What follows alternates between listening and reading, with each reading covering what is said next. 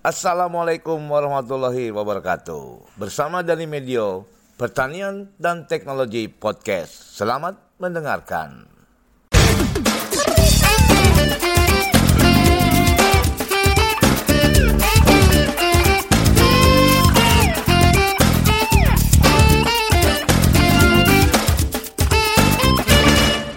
Salam pertanian. Oke Sobat Tani ketemu lagi dengan Dani Medio Bahwa sekarang saya di episode ini adalah episode yang uh, sama tetap kita ngobrol dengan uh, tentang pertanian dan teknologi Tapi kali ini tamu saya berbeda uh, Narasumber saya berbeda Ada sekitar lima orang narasumber saya dan anak muda Wah, mudah-mudahan dari obrolan kita nanti anak-anak muda ini bisa memberikan kontribusi tentang pertanian atau pendapatnya tentang pertanian. Halo, assalamualaikum. Waalaikumsalam. Nah, teman-teman lihat, sobat tani, uh, saya sekarang akan ngobrol-ngobrol sama uh, mahasiswa dari IPB dan satu orang dari Universitas Trunojoyo. Nah, wow, jauh sekali ya Trunojoyo ya. Itu dari Madura sana. Uh, mudah-mudahan nanti kita akan perkenalan masing-masing dari mulai uh, teman-teman dari IPB dulu. Halo, siapa namanya? Dewi Ratnawati, Pak. Oke, Dewi uh, kuliah di D3 IPB ya. Betul sekali. Jurusannya apa? Pak. Jurusan Teknik Komputer. Oke. Wow, teknik komputer ya nanti. Iya, Pak. Ah, kemudian uh, ini satu lagi. Eh, nama saya Muhammad Ubaidillah. Saya dari Teknik Komputer. Ya, nama saya Rani Raniza Rwandari, saya juga dari D3 Teknik Komputer. Nama saya Mega Ramadona, saya juga dari D3 Teknik Komputer. Oke. Ada empat orang IPB, satu orang lagi nih. Namanya siapa? Nama saya Andi Pak dari jurusan S1 Agroteknologi Dari Universitas. dari Universitas Trunojoyo Madura. Wow, jauh ya. Oke, eh, kalian kan teman-teman sini magang di sini ya? Iya. Eh, berapa hari atau berapa bulan? Eh, 45 hari kerja. 45 Kurang hari lebih kerja. dua bulan dua, dua bulan. Oke, jadi cukup lama ya. Jadi eh, saya ingin tahu nih eh, teman-teman dari Ubaidillah, Dewi dan yang lainnya eh, selama magang di sini, khususnya walaupun eh, teman-teman di sini eh, tentang komputer, terus sekarang lagi magang di kantor atau institusi bergerak di bidang pertanian. Bisa nggak sampaikan atau pengalamannya selama magang di sini, walaupun belum selesai apa yang apa yang dimagangkan atau yang dibuat ini? Dari mana? Dari siapa? Dewi? Ubaidillah. Oke. Ya, eh gimana? Ya, jadi eh, saya magang di sini itu sebenarnya jurusan saya itu teknik komputer. Nah, di sini tuh ada sebuah se- awalnya saya ditanya mau em, mau mendalami tentang apa dan ternyata saya belum bisa untuk menjawab sebelum saya melihat lapangan-lapangan pertanian. Dan setelah saya melihat eh, di BBP 2TP ini ternyata teknologi-teknologi yang dikembangkan oleh BP, BBP 2TP ini eh, sangat eh, perlu banget dikembangkan melalui teknologi-teknologi saat ini. Terutama yang sedang saya kerjakan saat ini yaitu sistem irigasi. Sistem irigasi ini hmm, sis- sis- sistem irigasi yang akan saya kembangkan di sini yaitu melalui sistem IoT di mana para petani dapat mengontrol atau memantau lahan-lahan untuk eh, menyiram tanaman-tanamannya dengan secara mudah melalui Android gitu. Wah, hebat juga ya. Jadi lewat handphone ya. Iya pak. Jadi kita walaupun kita sedang pergi ke pasar atau keluar keluar ke kota gitu, petani-petani keluar kota dapat disiram tanamannya di kampung melalui HP asal ada jaringan internet. Wah, itu kayaknya menarik tuh eh, Ubay untuk eh, petani-petani muda khususnya. Mungkin karena dia sekarang Android kan udah di mana petani juga udah pegang Android ya, smartphone ya. Jadi kalau ada teknologi seperti itu, wah itu itu saya rasa cukup bagus. Mudah-mudahan nih teman-teman yang nanti magang di sini bisa eh, kontribusinya tentang eh, apa mengatur irigasi ya melalui HP Android. Tentunya mungkin ini ya eh, ada beberapa apa beberapa cara ya. Jadi eh, lewat Android, kemudian dia bisa mengatur eh, penyiramannya lewat Android, eh, smartphone. Itu eh, susah nggak untuk menerapkannya, Pak? Eh, sebenarnya gampang-gampang susah ya. Eh, bisa dibilang juga kalau untuk penerapannya itu mudah banget karena kan sekarang setiap orang pasti sudah memiliki Android gitu ya. Eh, dan syarat utamanya itu hanya eh, ada akses internet. Jadi sekarang itu jaringan internet di Indonesia itu sudah mulai lu- luas. Jadi eh, saya yakin di setiap itu ada jaringan internet gitu. Oh, jadi ada ada selain smartphone tuh di ini kan contohlah ada lahan gitu ya, ada lahan. Kemudian tentunya kan kalau menyiram air berarti kan pakai mesin ya, ada mesinnya. Ada sesuatu yang bergerak seperti pompa gitu. Iya. Ya, di situ kan ada pompa. Nah, bagaimana? Sedangkan para petani itu jauh dari namanya sumber energi listrik ya dari PLN. Ternyata di sini di BBP 2TP ini sudah menerapkan namanya sumber elek sumber Energi. energi da- listrik dari eh, Matahari. matahari, gitu. Nah, jadi di para petani untuk menggerakkan motor apa Pompanya. pompa itu de- hanya perlu eh, soil apa Solar. solar solar panel Iya. yang dapat menampung energi listrik dan bisa menyimpannya ke dalam aki dan aki itu bisa digunakan oleh petani Sebagai sumber. sebagai sumber energi Energinya. listrik. Ya. Wah, itu menarik sekali ya. Gitu. Ini semua teman-teman yang akan membuat itu ya. Eh, masing-masing beda sih. Beda, oke. Kalau kalau Ubaidillah tadi tentang itu ya. Jadi bagaimana sistem irigasi eh, pengontrolan eh, penyiraman atau irigasi dengan menggunakan smartphone. Kalau Dewi apa Dewi? Kalau saya kan waktu pertama kali ke sini kan ngelihat tuh Pak tanaman hidroponik. Nah, saya tertarik dengan tanaman hidroponik tersebut. Nah, waktu saya tanya, ternyata untuk pengukuran air nutrisi yang sangat diperlukan di dalam hidroponik itu masih secara manual Pak, masih pakai pH meter dan TDS itu pun tiap hari kan orangnya mengecek ke sana terus. Nah, saya pengen membuat teknologi untuk pengotomatisan pengotomatisasi dalam penyiramannya tersebut Pak. Jadi nanti saya ingin membuat satu alat yang isinya itu bak air dapat menyetabilkan pH, dapat mengisi air dapat menyapa mengisi air nutrisi tersebut hingga ppm sesuai yang diinginkan Pak.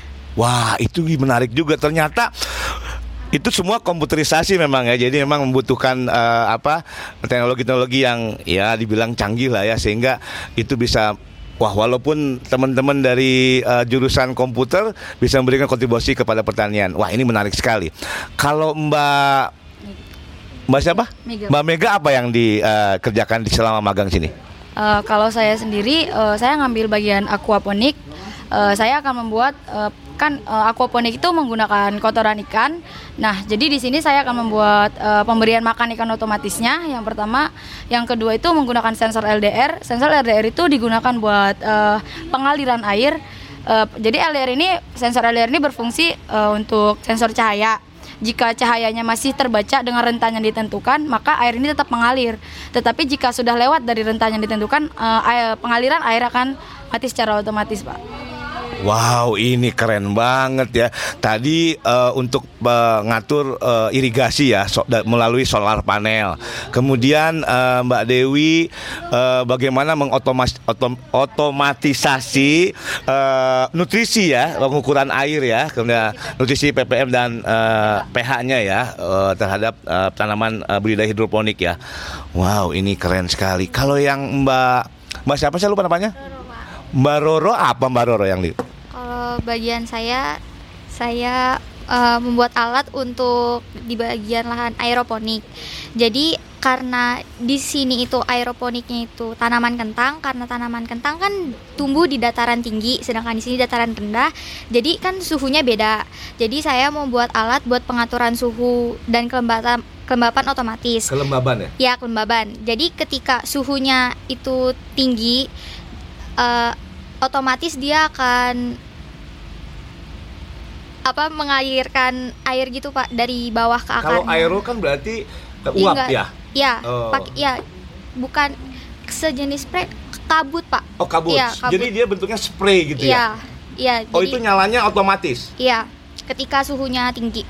Jadi dia buat nurunin suhunya di akarnya sama di ruangannya. Berarti teknologi sensor yang digunakan Iya. ya? Ya, sensornya sensor suhu sama kelembaban. Wah. Keren ini petani-petani yang yang mendengar pasti ini khususnya petani pemuda. Wah berarti pertanian itu nggak harus kotor-kotoran kan?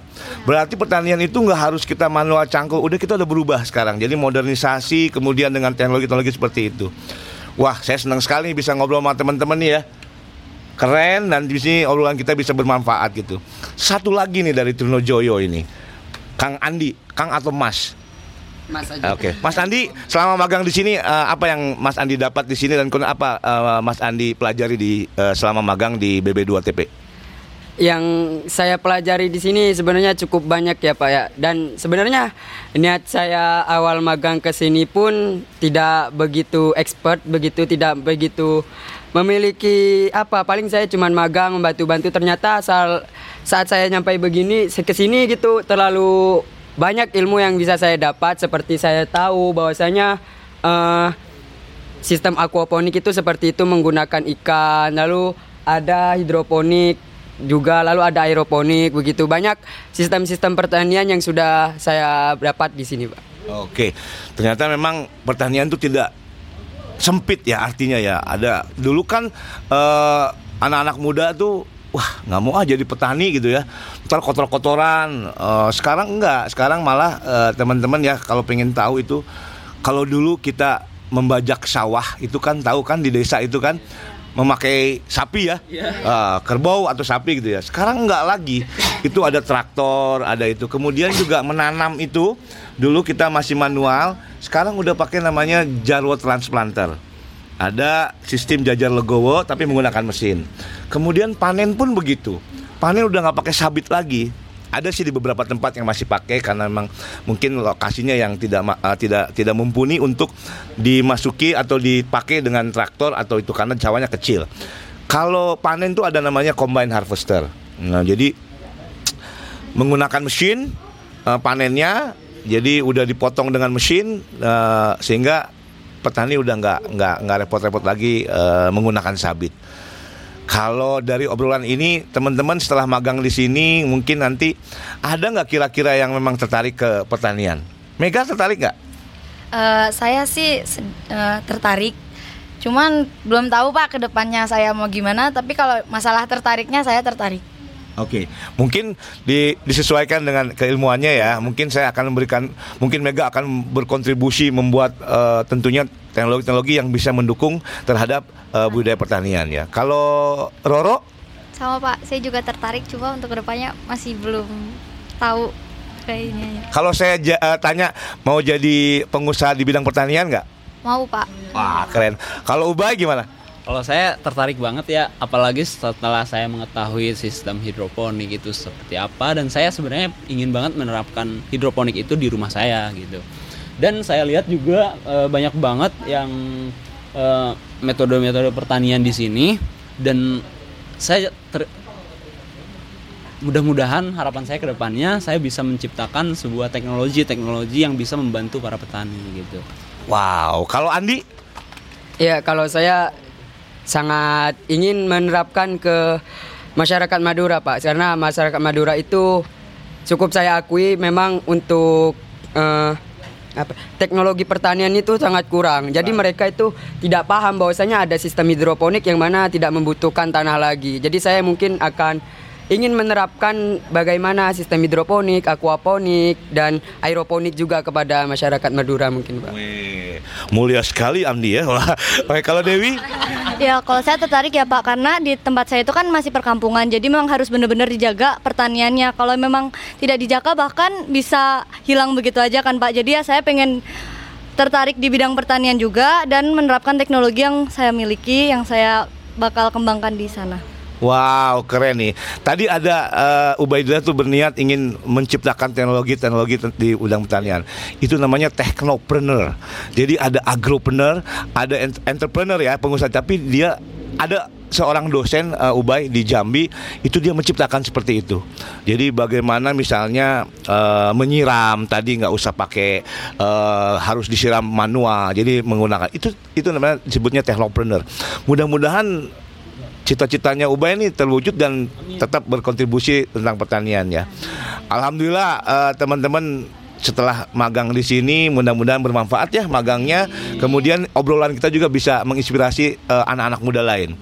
Karena eh, kita ini lagi krisis nih anak-anak muda yang mau eh, bekerja di bidang pertanian. Even misalnya dia jadi jurusan mana pun, tapi dia kalau suka pertanian, kenapa enggak gitu kan? Wah, makasih nih kalau udah ngobrol-ngobrol sama, sama saya ya.